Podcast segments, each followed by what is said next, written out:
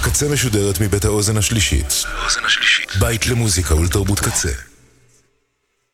אתם עכשיו על הקצה. הקצה.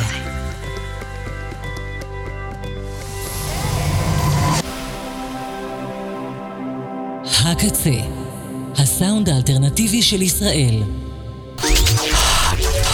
הקצה. הקצה. KZ Radio, Welcome. It's nice to have you here. I'm so glad you could come. This is going to be such an exciting day. I hope you enjoy it. Isn't it about time for somebody's favorite radio program? Radio, what the fuck? Radio right here. CinemaScope. Yeah. CinemaScope. CinemaScope. עם יאיר רווה. So yeah, that's you the are voice on the of- radio. That's the I- radio. this is the radio. That's a DJ. No, Hi there.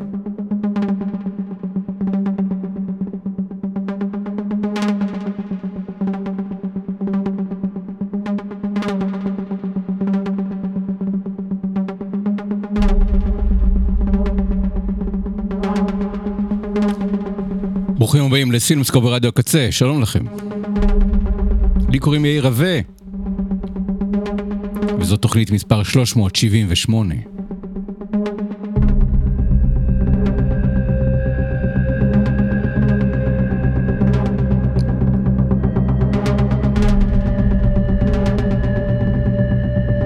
היום 15 במרץ 2023, כ"ב אדר תשפ"ג.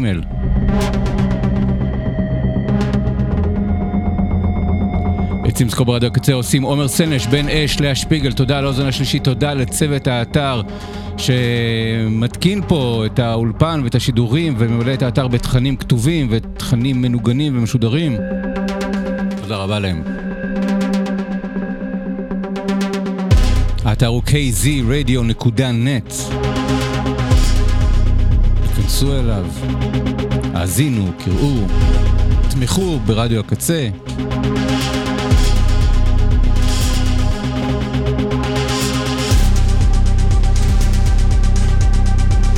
ותודה גדולה לסינמסקופ, לסינמטק תל אביב, כי סינמסקופ ברדיו הקצה משודר בחסות סינמטק תל אביב. הנה כמה המלצות מטעם הסינמטק עבורכם, מאזיני סינמסקופ ברדיו הקצה, הערב בשעה תשע לכבוד יום ההולדת ה-80 ליוצר האימה המקורי ביותר בז'אנר, דויד קרוננברג, יוקרן הסרט תאומי המריבה. ג'רמי איירונס מגלם תפקיד כפול של אחים תאומים החולקים אותה מרפאה ומתאהבים באותה אישה שחדירתה לחייהם מערערת את יחסיהם. מחר יום חמישי בשעה שמונה במסגרת אירועי במלוא הדרה, חודש האישה הבינלאומי, תתקיים הקרנה ומופע של אסתי אלמו וקסלר.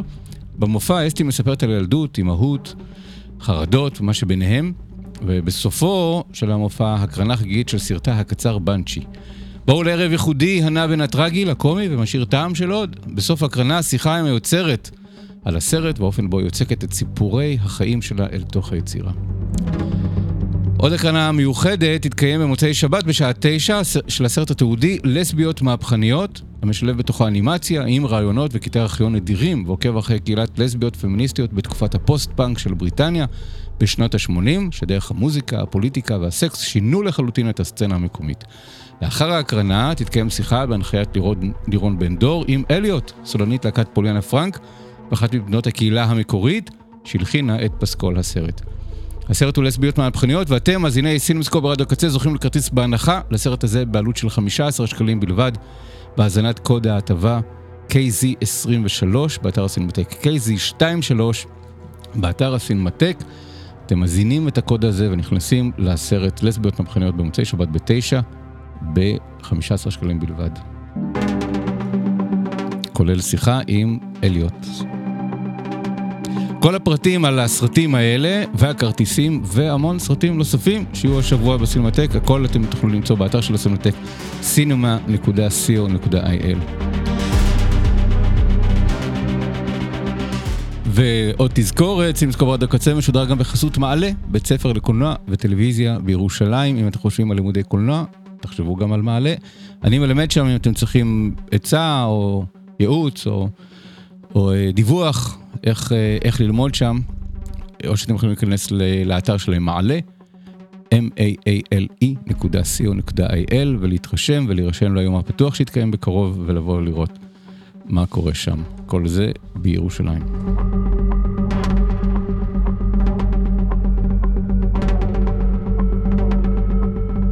אנחנו בערך יומיים אחרי האוסקרים, דיברנו על האוסקרים באריכות בשבוע שעבר, ומה שדיברנו הכל בתוקף. אה, לא כל מה שחשבתי שיקרה קרה, חשבתי שריהאנה תזכה באוסקר, ובסוף ההודים זכו באוסקר על השיר. אה, לא האמנתי שהכל בכל מקום בבת אחת יזכה בפרס הבימוי, וכן זכה בפרס הבימוי. אה, מה עוד? לא האמנתי שברנדן פרייזר יזכה באוסקר. חשבתי שאוסטין באטלר יזכה. וברנדן פרייזר זכה.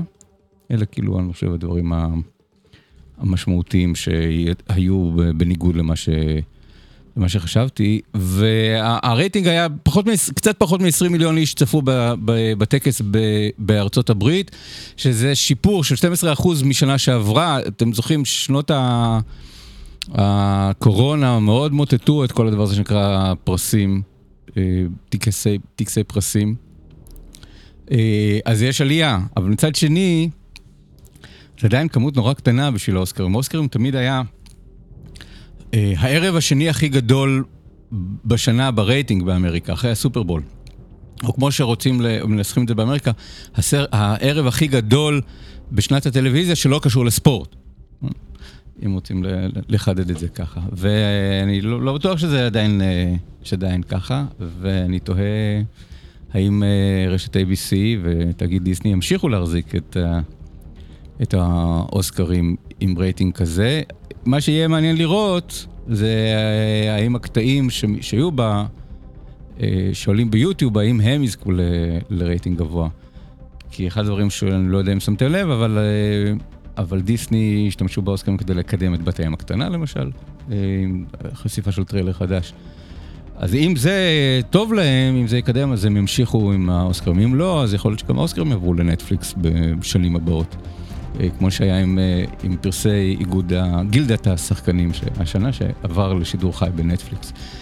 אמ, מה עוד אני יכול להגיד לגבי האוסקרים? דיברתי באריכות על... אה, על הכל בכל מקום בבת אחת, אני לא מתחבר לסרט הזה, ואני צריך לדייק פה, לחדד פה איזשהו משהו. לעיתים מאוד נדירות, הסרט שזוכה באוסקר הוא סרט שאני הכי אהבתי. אה, הרבה פעמים סרט שאני מחבב, או סרט שאין לי בעיה איתו באופן אישי, אבל, אבל אני לעיתים נדירות לא מב... לעיתים נדירות אני מבין מה גרם למצביעי האוסקר לבחור דווקא בסרט הזה. אהבתי את קודה בשנה שעברה, לא הבנתי למה זה הסרט הכי טוב של השנה. אהבתי את ספר ירוק לפני שנתיים, לא הבנתי למה זה הסרט... אה, לא, זה לא היה לפני שנתיים ספר ירוק. אה, באמת לעיתים נדירות, פרזיטים אולי זה, זה וזה תמיד מפתיע אותי, אה, הבחירות האלה. השנה מה שהיה יוצא דופן, זה שהרגשתי שלא רק שזה לא הסרט שאני הכי אוהב, שזה כאמור, זה... ככה זה בדרך כלל. אלא שנוצר איזשהו פער שאני לא מצליח להבין ביני ובין האוסקרים. בדרך כלל כשהאוסקרים היו נורא מבוגרים, אז הבנתי את זה שזה פער של מבוגרים. כשהייתי מאוד צעיר, ילד, וזכו זיכרונות אהבה מאפריקה, ועמדאוס, וגנדי, אז הבנתי שהם מבוגרים ממני והם אוהבים סרטים של, של זקנים. ו, ושנים אחר כך אה, חיבה, או, או, או אה, אה, תנאים של חיבה, סרט שבזמן אמת ממש לא הבנתי את, את, את הסרט, לא התחברתי אליו בכלל, ושנים אחר כך, אני כיום מאוד מאוד אוהב את תנאים של חיבה, אה, או את קרמר נגד קרמר. אז תמיד היה פער כזה כלפי מעלה, ופתאום פעם ראשונה אני מרגיש שה, שהפער הוא הפוך, שאני מרגיש שה, שיש משהו נורא, אם, אם באמת הכל בכל מקום בבת אחת מאפיין איזשהו סוג של דור חדש או טעם חדש של האוסקרים, אז הטעם זה קצת ילדותי בעיניי. אז אני, אז אני, אני בעיקר מנסה להבין כדי לנסות לדווח באופן אמין על האוסקרים, מה, מה הפרופיל של המצביע הממוצע, או המצביעה הממוצע באוסקרים, אה, כדי לדעת לדווח עליהם אה, יותר טוב. אז כרגע נראה שמשהו השתנה, משהו מאוד מאוד דרמטי השתנה בפרופיל של, אה, מצביע האוסקר. ואם זה באמת קהל צעיר שנולד באזור שנות ה-80, אז אני מבין את הבחירה. אם זה עדיין הקהל הרגיל של האוסקרים, של מצביעי האוסקר, שזה אנשי תעשייה בני 50 ומעלה, אז, אה, אז אני, צריך, אה, אני צריך תרגום בגוף הסרט, לא הבנתי למה בחרתם בסרט הזה. עד כאן אה, האוסקרים, יש לנו שנה עד, עד האוסקרים הבאים. השנה, בתוכנית היום יהיה לנו רוצחים סדרתיים ויהיה לנו קרב מכות, קריד 3 נגד צעקה 6. צעקה 6 מוביל בינתיים בשלוש נקודות, נראה אולי יהיה תיקו עד uh, סוף השיחה הזאת ויהיו עוד כמה דברים. אבל ההתנחתאות המוזיקליות יוקדשו בשעה הזאת לחגוג 40 שנה לאחד האלבומים הכי, אולי אחד מאלבומי הבכורה, אחד הכי טובים מאלבומי בכורה, ואחד האלבומים שאני הכי אוהב מהאיטיז. לא, לא להאמין שזה האלבום הראשון של ההרכב הזה, Tears for Fears, בדיוק השבוע לפני... Uh, לפני 40 שנה האלבום הזה יצא, הוא יצא בשבעה במרץ 1983, וממש היום, 15 ב... למעשה אתמול, 14 ב... ב-14 במרץ 1983, הוא הגיע למקום הראשון. ובהתנחתאות בין האייטמים, נשמע לא את הסינגלים שאתם מכירים, Change ו-Pale Shelter וכן הלאה, אלא את השירים האחרים. זה מתוך The Hurting, Tears for Fears, Watch Me Bleed, ברוכים הבאים לסימסקופ ברדיו הקצה.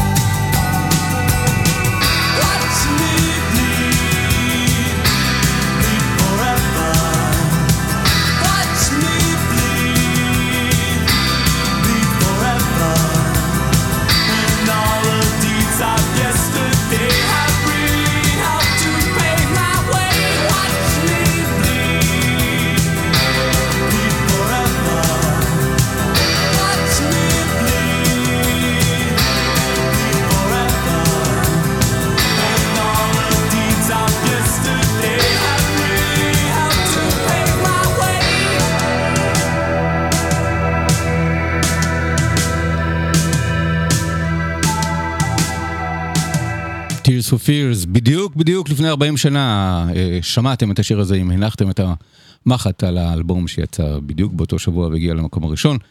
במצעד המכירות הבריטי נשמע עוד מהאלבום הזה אה, בהמשך. נתחיל עם, אה, צריך להשלים סרטים שיש בקולנוע. קריד 3 הוא הסרט הראשון שנדבר עליו.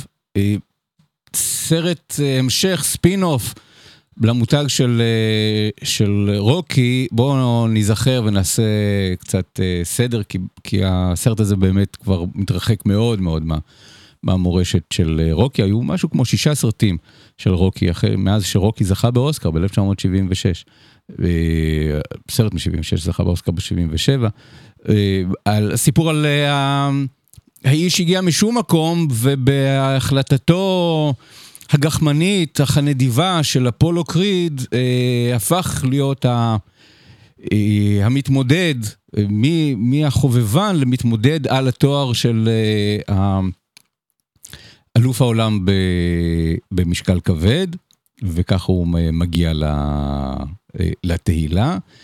ואז המשך הסיפור שלו עם uh, יחסיו עם, עם אפולו קריד, העליות והירידות, מצד אחד מישהו שנתן לו הזדמנות, מצד שני מישהו שהיה המתמודד והמתחרה שלו, ובסופו של דבר גם האחריות שהייתה לו כשהפול קריד מת בזירה, אה, מיד, מידיו של אה, איוון דרגו ברוקי 4. נכון, אני זוכר נכון את אה, פר, פרקי הסדרה. כשיצא קריד לפני כמה שנים, זה היה ספינוף שיצר ריין קוגלר, שהוא באמת אחד הבמאים הכי מעניינים שפועלים בזמן הזה. אה, לפני שהוא הלך לעשות את, אה, את ווקנדה, את, אה, את פנתר שחור, שמאוד אהבתי את פנתר שחור הראשון, לא אהבתי את פנתר השחור השני.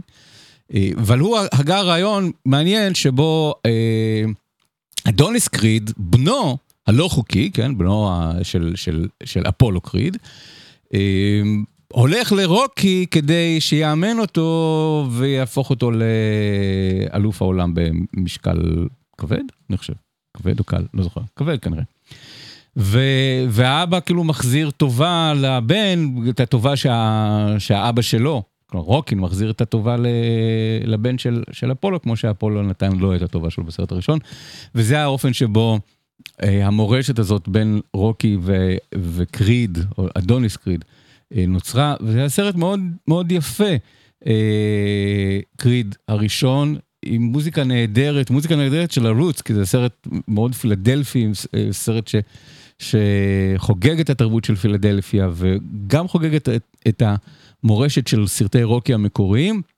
וגם מביאה לתוך זה צבע חדש, כי סרטי רוקי המקוריים היו מאוד לבנים איטלקיים, והסרט הזה היה מאוד שחור, אז סרט מאוד סולי ומאוד היפ-הופי ומאוד בלוזי, אה, ומציג צדדים אחרים של פילדלפיה שלא שלא נראו. עכשיו מגיע קריד 3, וריין קוגלר עסוק בעולם הזה של, אה, אה, של אה, פנתר שחור, חלק 2, ומייקל בי ג'ורדן, שמגלם את קריד, פנוי כי הוא מסיים את תפקידו בפנתר שחור 1, בדיעבד, אני חושב שכולם מצטערים על זה, על, החלטת הליהוק הזאת של לא להפוך אותו לפנתר שחור, כי היה שורד את, את הסיפור. ו... היה ממשיך להיות פנתר שחור 2, ו, ובכנות, אני חושב שמייקל ביר ג'ורדן הוא, הוא כוכב קולנוע יותר טוב מצ'דביק בוזמן. צ'דביק בוזמן הוא אולי שחקן יותר טוב, אבל צ'ד, מייקל ביר ג'ורדן הוא, הוא דמות אה, קולנועית מרתקת. אני מאוד מאוד אוהב לראות אותו על, על המסך. ועכשיו הוא מקבל את האפשרות לביים את הסרט. הסרט הראשון שהוא מביים, תחת הדרכתו של ריאן קוגלר. ריאן קוגלר עדיין שותף להפקה ושותף לכתיבת התסריט. אה, אבל מייקל בי ג'ורדן גם משחק בתפקיד הראשי וגם מביים. עכשיו, אלא אם אתם מאוד אוהבים את העולם של קריד ואת, ואת העולם ה, של האגרוף בלוס אנג'לס, כן עברנו מפילדלפיה ללוס אנג'לס, אה, אז כאילו מה, מה המשיכה שלכם לראות את, ה, את הסרט הזה? אתם צריכים לאהוב סרטי אגרוף כדי לראות את זה. אז בתוך העולם הזה של סרטי אגרוף, הסרט לא רע בכלל, אפילו הייתי אומר שהוא סרט מרשים, הוא מצולם מאוד יפה, יש בו עוצמה מאוד חזקה, מאוד מאוד, אה, מאוד גברי, כמעט אה, סרט ש, ש, ש, שמטפטף טסטוסטרון כולו, אה, על מאבקי כוחות בין, בין, אה, בין גברים, חוסר היכולת של גברים להביע רגשות ולשתף אחרים, בייחוד את, את בנות זוגם ואת, ובנות משפחתם, לשתף אותם ברגשות שלהם ואיך כל הדבר הזה כלוא בפנים ומתפרץ החוצה בזירת האגרוף. אבל פה קורה משהו מעניין ש, ש, שדורש איזושהי, איזושהי מחשבה נוספת. עלילת הסרט מספרת על, אה, על חברות בין אה, הדמות של אדוניס קריד ובין. חבר שלו, חבר ילדות שלו, שנכנס לשנים לכלא ומגלם אותו ג'ונתן מייג'ורס. אז קודם כל יש פה מפגש בין מייקל בי ג'ורדן וג'ונתן מייג'ורס, שניים מהכוכבים הגדולים של הקולנוע, של כוכבי הקולנוע השחורים כרגע, שני אנשים מאוד מאוד גדולים וחסונים ושריריים. אמ, את אה, ג'ונתן מייג'ורס ראינו עכשיו בתור הנבל באנטמן אה, והצירעה קוונטומניה. והיה לפני זה הנבל לדעתי בלוקי, אני חושב. איש גדול מאוד, פנים מאוד גדולות, ממש בנוי להיות כוכב או סרטי מכות או סרטי אקשן. ואני חושב שכבר כמה שנים מטפחים אותו להיות הכוכב הגדול הבא, והנה זה קורה, הנה זה, זה בא לידי ביטוי ממש בביטוי בשבועות אה, האלה. והוא מכניס אלמנט של סכנה על הסיפור. הוא מבקש מאדוניס קריד שיעשה עבורו את האקט ש... שאבא שלו, אפולו קריד, עשה לרוקי. כלומר, לתת לו הזדמנות להילחם נגדו אה, ולזכות כזה בדרך עוקפת, ב... או ניסיון לזכות בתואר אלוף העולם. אה, לא נגדו, אלא נגד ה... אה, אלוף העולם של אותו רגע, כי הגיבור שלנו פרש. שוב, קצת כמו הסיפור של רוקי.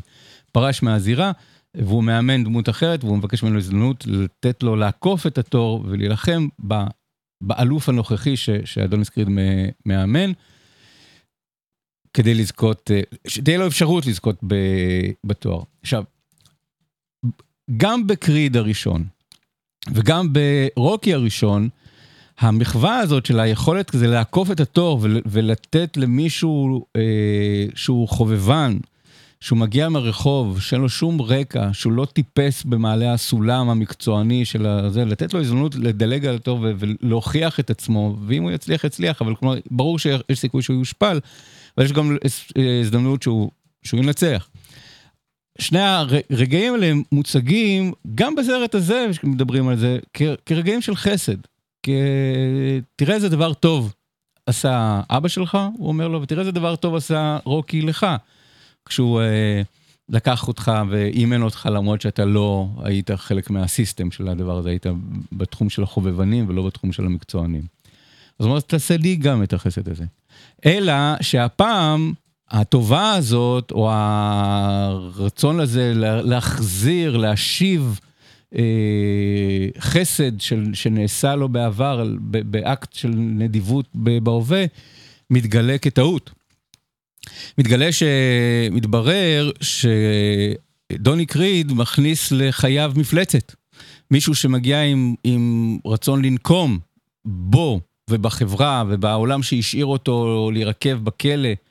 והעולם שעודד אותו לאלימות ולא טיפח את האלימות הזאת, אלא הכניס אותה, באמת הפך את זה לעולם של פשע ולעולם של, של כליאה, והוא בא עם, עם רצון לנקום. לנקום בכולם, כולל בקריד, שהפך להיות עשיר ומצליח וכוכב גדול, והחבר שלו מהשכונה, שהיה טוב ממנו באגרוף, אה, נזרק הצידה ונשאר מאחור. ובמידה רבה המבנה של הסרט הוא גם מבנה של סרט אגרוף, כי הוא עובר מקרב אגרוף אחד לקרב אגרוף אחר. מצד שני הוא בנוי כסרט אימה. סרט אימה של, של פולש, או של מפלצת, או של מישהו ש, שנכנס לחיים וצריך איכשהו להדוף אותו החוצה ולהילחם בו באמצעים שלו. והחלק המעניין בסרט שבאמת רוב האלימות נשארת בתוך, ה... בתוך הזירה, זירת האגרוף. כלומר, יש רגעים שאתם מצפים שב...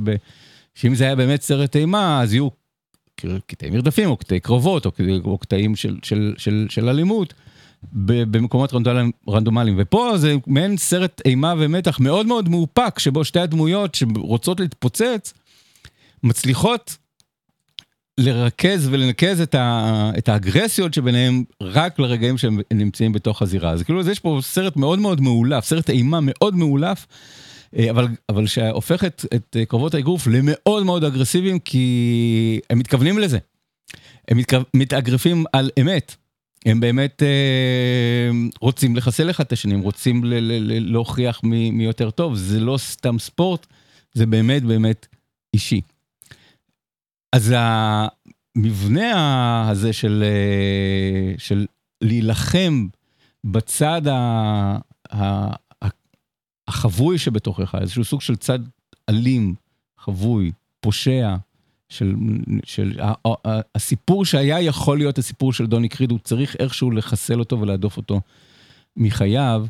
אה, אז זה הסיפור של, אה, של קריד 3. אבל עצם השינוי הזה שהוא עושה למישהו אקט של טובה, אקט של חסד, אבל הפעם הוא נענש על זה. אה, הוא לא מנצח על זה, הוא לא זוכה לטובה בחזרה. יש פה איזושהי אמירה, אמירה מעניינת, אני תוהה אם זה משהו שמגיע מהעולם של מייקל בי ג'ורדן, שאת הסרטים הקודמים כאמור זה בא, כל הזמן הגיע מתוך העולם של סיברסר סטלון, שיצר את זה וכתב את הסרטים המקוריים וכיכב בהם. ואז הגיע ריין קוגלר ו- וניסה להמשיך את הרעיון של רוקי ועשה עבודה יפה של לתפור את הסיפור של אדוניס קריד לתוך הסיפור של רוקי, והחזיר את אותם מהלכים שהיו בסרט המקורי גם לסרט הראשון של קריד, ופתאום הוא חוזר לאותם ביטים, מכניס דמות חדשה, מבקש שיעשה את, אותה, את אותו אקט, אבל הפעם האקט הזה יוצא נגדו, ולא, אה, ולא בעדו. זה אומר משהו, זה אומר משהו על זה, כאילו, מין סרט שקצת, אה, שהוא מתפקד כאזהרה, אל תהיו טובים לאנשים. אה, תיזהרו מאנשים, תיזהרו מאנשים שהשארתם מאחור וחוזרים לחיים שלכם כי הם ניסו לקחת מכם את הכל, כי הם ניסו לנקום בכם. זה ממש לרגעים עם תחושה של יש פה איזה משהו שקצת מזכיר את פס, פסגת הפחד, של מישהו שמגיע ל, לבית של, של מישהו עשיר ו, ו, ומסודר ויש לו אג'נדה, הוא יצא מהכלא ו, והכנס את המפלצת הביתה. ופה צריך להגיד משהו, אני צריך להגיד משהו על ג'ונתן מייג'ורס, אה, שהוא נורא מפחיד אותי, השחקן הזה. אני מרגיש, ב, אה, ראיתי אותו, הוא הגיש עם מייקל בי ג'ורדן גם פרס, בפרס צילום ב, באוסקרים. מייקל בי ג'ורדן חי, והוא, אה, והוא מקסים. וג'ונתן מייג'ורס יש בו משהו אה, כבוי וכבד ואיטי. ואני דואג לו. אני, הוא נראה כמו סיברסר סטולון אחרי שהוא חטף המון מכות. ו... ו... והוא מגלם דמויות מלחיצות, הוא הנבל באנטמן, והוא ימשיך להיות הנבל בכל סרטי הנוקמים הבאים, הוא יהיה קנג דה קונקרר או קנג אחר, איזשהו סוג של כל הקנגים למיניהם. אז הוא אמור להמשיך להלחיץ אותנו ולהפחיד אותנו. וגם בסרט הזה הוא דמות מלחיצה ומפחידה, הוא, הוא לא מתמודד בזירה, הוא מישהו ש, שצריך לחשוש מפניו, ובאמת זה נכון, זה ליהוק טוב, אבל אני, אני, יש משהו ב, באיש הזה, ג'ונתן מג'ורס, שנורא מלחיץ אותי, אני, מעניין אותי לפגוש אותו, או לראות ראיון איתו, שבו יתברר שהוא איש אה, קליל וחמוד ואינטליגנטי, אבל בינתיים אני אה, קצת לחוץ מזה שהוא מישהו שבאמת, הכוח שלו נמצא בכוח שלו ובמימדים שלו. אז, אה, אז אני דואג לג'ונתן מייג'רס ואני דואג מג'ונתן מייג'רס, אבל בסרט הזה יש בו משהו אפקטיבי, ו... ובעולם של סרטי אגרוף, קו נטוי, סרטי דרמה מתח, אה, אני חייב להגיד שהופתעתי לטובה, סרט, אה, סרט לא רע. בכלל, בתור מה שזה, ו... ויופי של uh, התחלה של קריירת בימוי של מייקל בי ג'ורדן, אני רק מקווה שהוא לא יפסיק ל... ל... לשחק, כי כאמור, אני מאוד מאוד מחבב אותו כשחקן, אני מאוד מחפש סרטים שלו כ... כשחקן, תנסו לראות דברים שמייקל בי ג'ורדן עשה עם ריין קוגלר לפני זה. והוא ממש מצוין. חזרה ל-The Hurting. אלבום שיצא השבוע לפני 40 שנה, 1983, ממש אה, השבוע הש- הראשון לשני של מרץ 1983. השבוע לפני 40 שנה הוא הגיע למקום הראשון במצעד הבריטי, האלבום כולו. ואם הנחתם את המחט על התקליט, אני לא יכול להפסיק את הדימוי הזה, כי ככה, ככה שמענו את התקליט שקנינו אותו לפני 40 שנה. אז, אה, אז ככה הוא התחיל.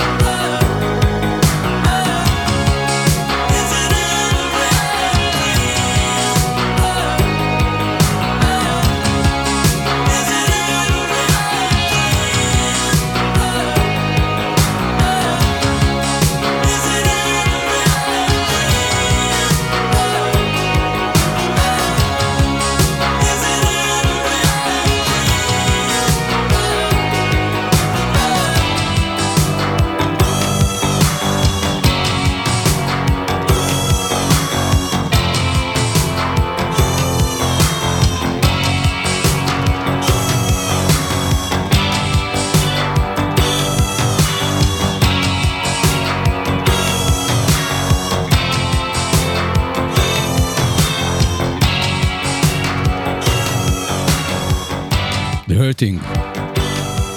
ככה נקרא השיר, ככה נקרא האלבום, ככה האלבום מתחיל. אה, השבוע לפני 40 שנה. נעבור לצעקה 6, יצא בסוף השבוע האחרון.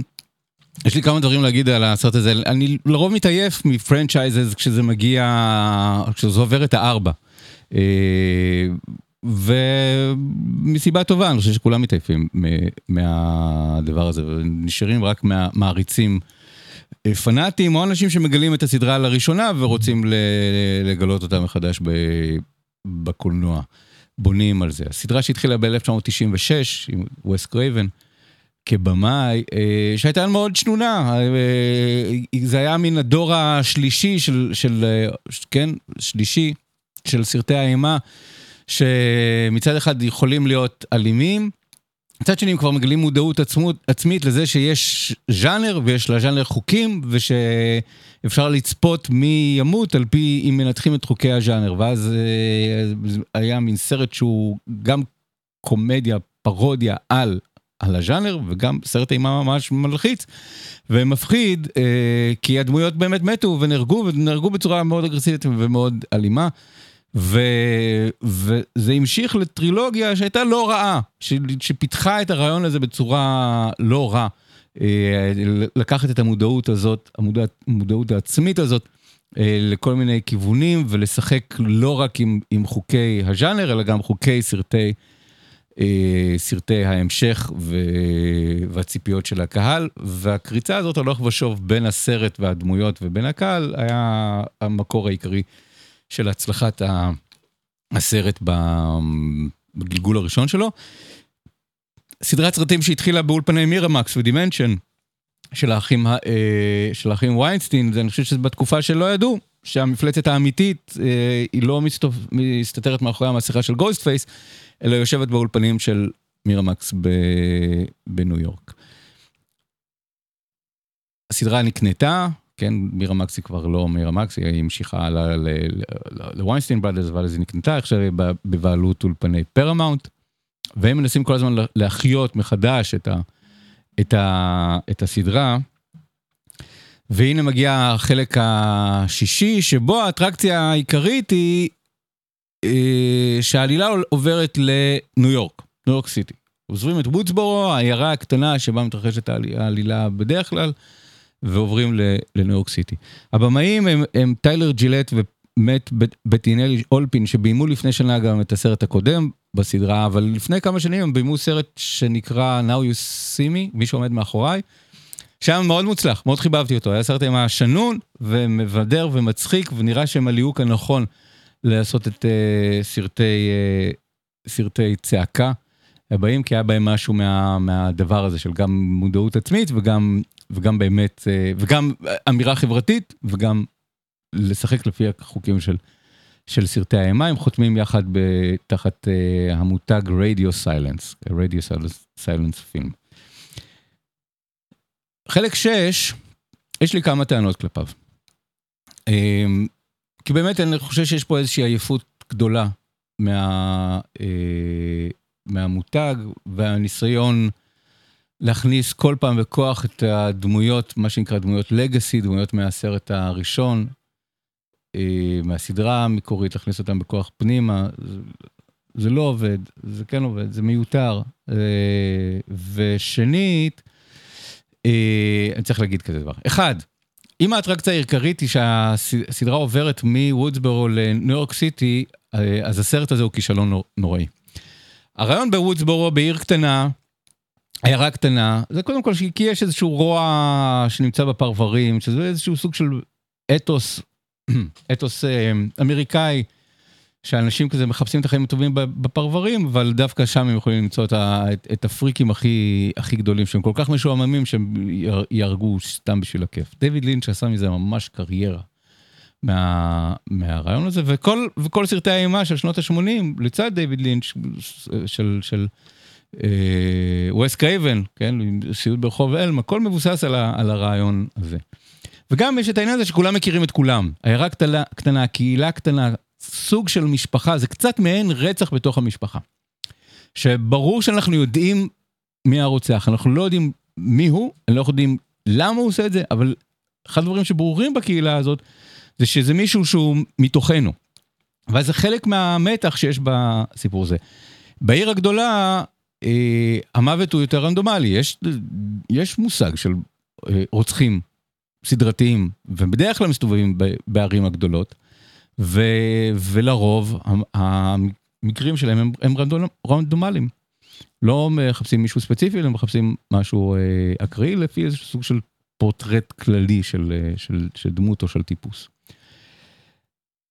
אז אם מעבירים מוודסבורו לניו יורק סיטי, זה אומר ש, ש, שעכשיו העיר להיות, אמורה להפוך להיות האימה. לא הקהילה, אלא שיש עכשיו עיר שלמה שצריכה, שצריכים לחש, לחשוש ממנה. ו... והסרט לא משתמש בזה בכלל, הוא בכלל בכלל לא משתמש ב, ב, ברעיון הזה שהם נמצאים בניו יורק סיטי, ב, בעיר. כלומר, למה, במה זה שונה מזה שהם היו עוברים לכל מקום אחר, לכל קולג' אחר, לכל עיר עיירה אחרת, או נשארים בוודסבורו. אותה סרט, אותו סרט אפשר היה לעשות בכל מקום אחר, והוא היה גם, יכול להיות גם משתפר מה, מזה. אם הוא היה בתוך קמפוס של, אה, אה, של אה, אוניברסיטה אחרת. אין שום תפקיד לעיר ב, בסיפור הזה, וזה החמצה, כי העיר הייתה יכולה להיות דמות. בין אם דמות שמהווה אימה, או בין אם דמות שפותרת את, ה... את התעלומה הזאת של מי עשה את זה ושל איך, איך לחסל אותו. אין לזה שום... לכן הכותרת הזאת של צעקה, הסדרה צעקה עוברת לניו יורק, שהייתה מספיק מעניינת בשביל, בשביל ללכת לראות את זה, בזכות זה הייתה אכזבה. אמ, הדבר השני שצריך לדעת, זה לא באמת משנה, אבל צריך לדעת את זה, שזה סרט שנקרא The Franchise Killer מבחינתי. כלומר, אתם, אתם צריכים להגיע ל, ל, לצעקה 6 אחרי שאתם מאוד בקיאים בצעקה 1 עד 6, 1 עד 5. כי אם לא, כי אם זה הסרט הראשון שאתם רואים בסדרה, ואחרי זה אתם אומרים, אה, אם זה יהיה סרט טוב, אז אני אלך ואני אראה אחורנית כל מה שקרה, אז הסרט הזה הוא... מכיל ספוילרים לכל הסרטים.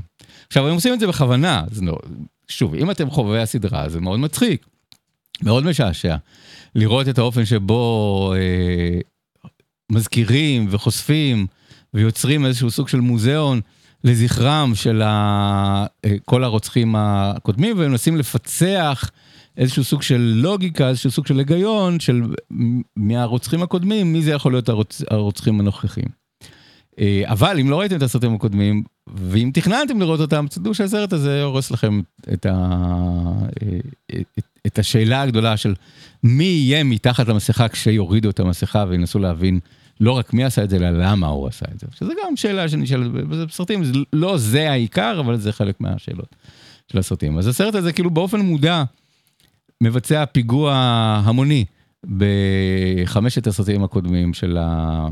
אה, של הסדרה. ודבר שלישי שיש לי זה שלפחות פעמיים, אם לא שלוש פעמים לאורך הסרט, גוסט uh, פייס מגיע, uh, רוצח, תוקף, רוצח, תוקע את הסכין, שוב רואים את זה בצורה מאוד אלימה ומאוד גרפית, ברור לנו שזה, אבל אחר כך מתברר שהדמות הזאת שנרצחת בעצם היא נשארת בחיים. זה קורה כמה פעמים לאורך הסרט, וזאת השתפנות נוראית בעיניי, אה, בין אם לא, בין אם מחשבה לסרטי ההמשך הבאים, בין אם מחשבה איך לפתור את, ה, את סוף הסרט כדי להביא מישהו שחשבנו שהוא מת לרגע האחרון שיקום לתחייה. אה, כל הרגעים האלה, זה, בגלל שזה חוזר על עצמו לפחות פעמיים אם לא שלוש פעמים לאורך הסרט, אז זה ממש באג תסריטאי, באג, שוב, גם חוסר כבוד לז'אנר. אם הרוצח רוצח, אז הרוצח רוצח. אם לא, לא. אם הדמות מצליחה להתקומם ולהתנגד נגדו, מולו, אז היא שורדת. אם לא, אז, אז בזה הסיפור שלה נגמר. אין חצי מת, ובסרט הזה יש כל הזמן חצי מתים, וזה אה, כל פעם מאכזב מחדש, השבירה הזאת של ה... של החוקים, וגם ההבנה שגוסט פייס בסרט הזה, הוא לא רוצח כל כך טוב, הוא לא, אה, אה, לא כל כך מוצלח. אני לא אדבר על סוף הסרט, בסוף הסרט יש, כן, יש אה, איזשהו סוג של תחבולה מתמטית, אפשר לקרוא לזה, ש, שמתייחסת ל, לעבר של, אה, של, של סרטי אה, צעקה הקודמים, מבחינת הזהות של, של הרוצח או הרוצחים. אז, אה, אז כן, יש איזשהו משהו כזה. זה לא מספיק מעניין בשביל להפוך את זה אה, למעניין, וזה לא מספיק טוב, וזה לא מצחיק, וזה לא מאוד מותח, ובעיקר התחושה היא שנגמרו הרעיונות, וכל רעיון חדש שהיה להם לא פותח מספיק טוב, לא היה מספיק אה, טוב ומספיק נכון. אז קריד 3 נגד צעקה 6, קריד 3 מנצח בנקודות, לא בנוקאוט, בנקודות. אה, אבל מעניין שהסרטים האלה הם בעצם בסופו של דבר הופכים להיות סרטים דומים של איזשהו סוג של מישהו עוין שנכנס אליכם הביתה ואתם מכירים אותו ויש לכם איזשהו סנטימנט אליו והוא מתגלה כרוע. רוע שצריך להביס אותו בכוח הכוח, בכוח הסכינים או בכוח הזרועות. אז קריד 3 הפך לסרט אימה וצעקה 6 הפך למין דרמה משפחתית של אה, לנסות להתמודד עם רוחות הרפאים שיש במשפחות ושחוזרות מדי פעם לנקום ב- בכל, אה, בכל הכוח. חזרה ל... חזרה ל-The Hurting, 40 שנה.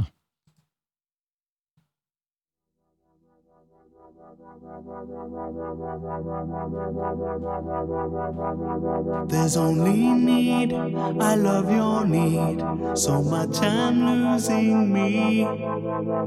I cannot see the reason for the pain. With hungry joy, I'll be your toy. Just hoping you will play. Without the hope, my body starts to fail. Memories fade, but the sky still linger. Goodbye,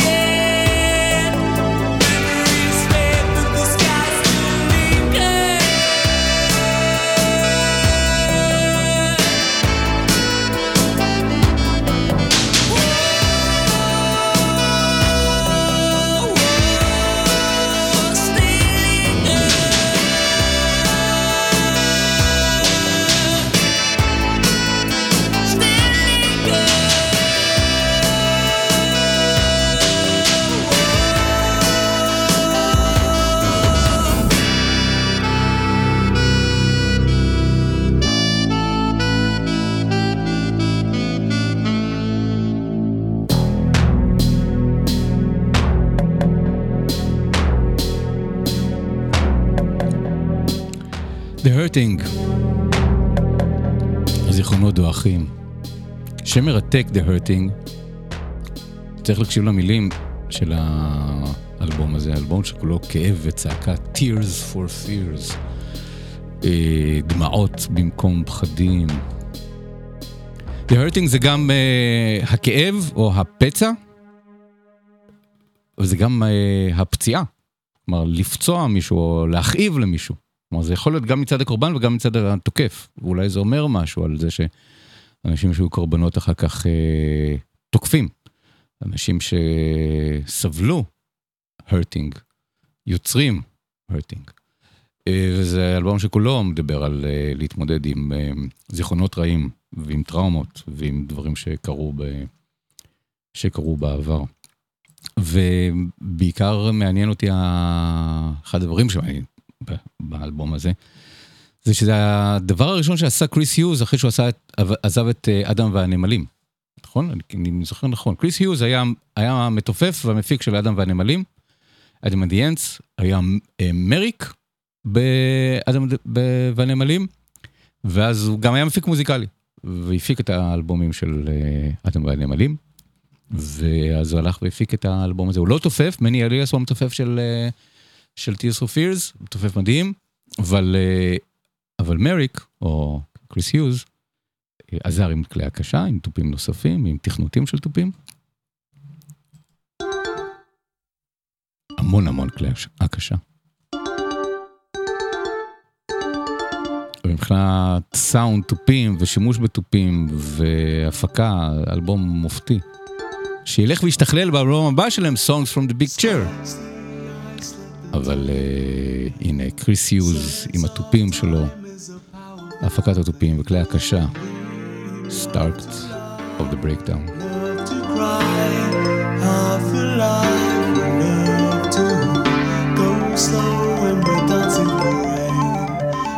Skin flakes where there's ice in the vein.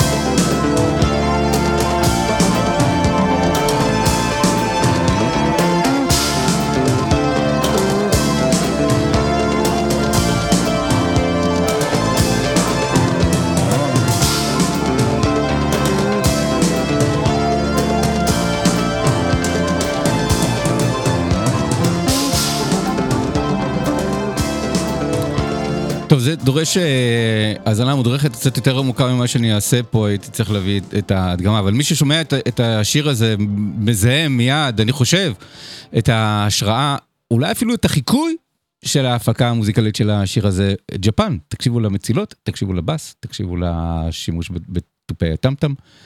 אה, ב kit, אה, זה לגמרי take off, rip off אפילו, לשירים של אה, ג'פן מטין דראם. כמעט מסיימים, עוד קצת תופים.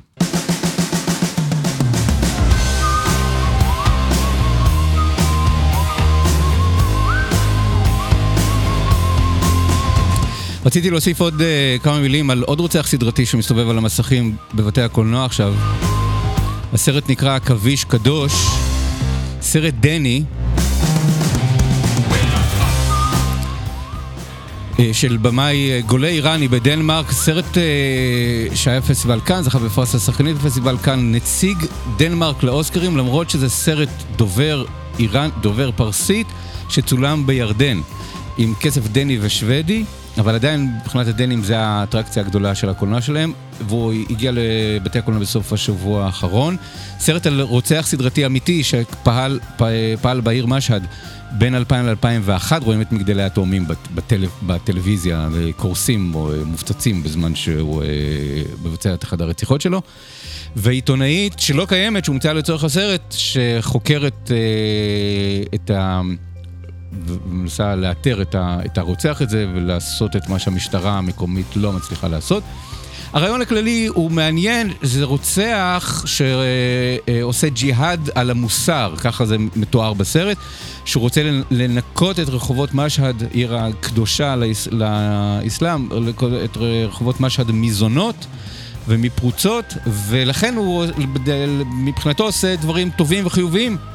אה, ולכן גם הממסד, הממסד הדתי והגברי שמסביב לא בוער לו מאוד לתפוס אותו, למצוא, לרא, לא רואה בו יותר מדי בעיה ולא נראה ש, שהם מתאמצים יותר מדי עד שמגיעה העיתונאית והאישה אה, כדי אה, לתפוס אותו ולהפוך את זה לעניין של אישה נגד, אה, נגד גבר ונגד הממסד הגברי. גברי.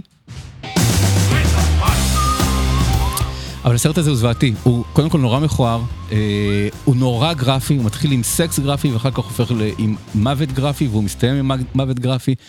ויש בו כזאת הנאה גרפית אה, מ, אה, אה, מאלימות והוא כל כך לא מסוגנן וכל כך לא אסתטי וגם האופן שבו הוא מסופר שזה לא חתול ועכבר זה כלומר שוב געגועים לדויד פינצ'ר שהיה עושה מזה סרט מטריד ואיום ונורא ו- אבל, ומלחיץ אבל, אבל מבריק. בסרט הזה יש אה, איזשהו רעיון אה, שלא הופך להיות לא סרט מתח וגם לא דרמה חברתית, חוץ מהדבר הזה של באמת במאי איראני שגר בדנמרק שאומר על איראן, תראו המקום הזה נורא ואיום. יש אה, מישהו שרוצח נשים ומבחינת הממסד זה בסדר גמור עד שלא תבוא האישה ו... ותתפוס אותו ב, בעצמה ותעשה את הסדר, אף אחד אחר לא, אה, לא יעשה את זה, אבל ההיקסמות הדוחה, באמת סרט דוחה, דוחה, ההיקסמות שלו ממין ומוות בסרט הזה היא, אה, היא בלתי נסבלת. זה, זה סרט שקצת נעשה מנקודת מבט אה, של אה, רוצח סדרתי. עד כאן, סינוסקופ ברדיו הקצה. תוכנית 378. בשבוע הבא יום הקולנוע הישראלי, נדבר עליו. אה, לפני שאתם יוצאים ליום הקולנוע הישראלי, תקשיבו לתוכנית, נדבר על, אה, על מה כדאי לראות, למה כדאי ללכת. זה יהיה בשבוע הבא.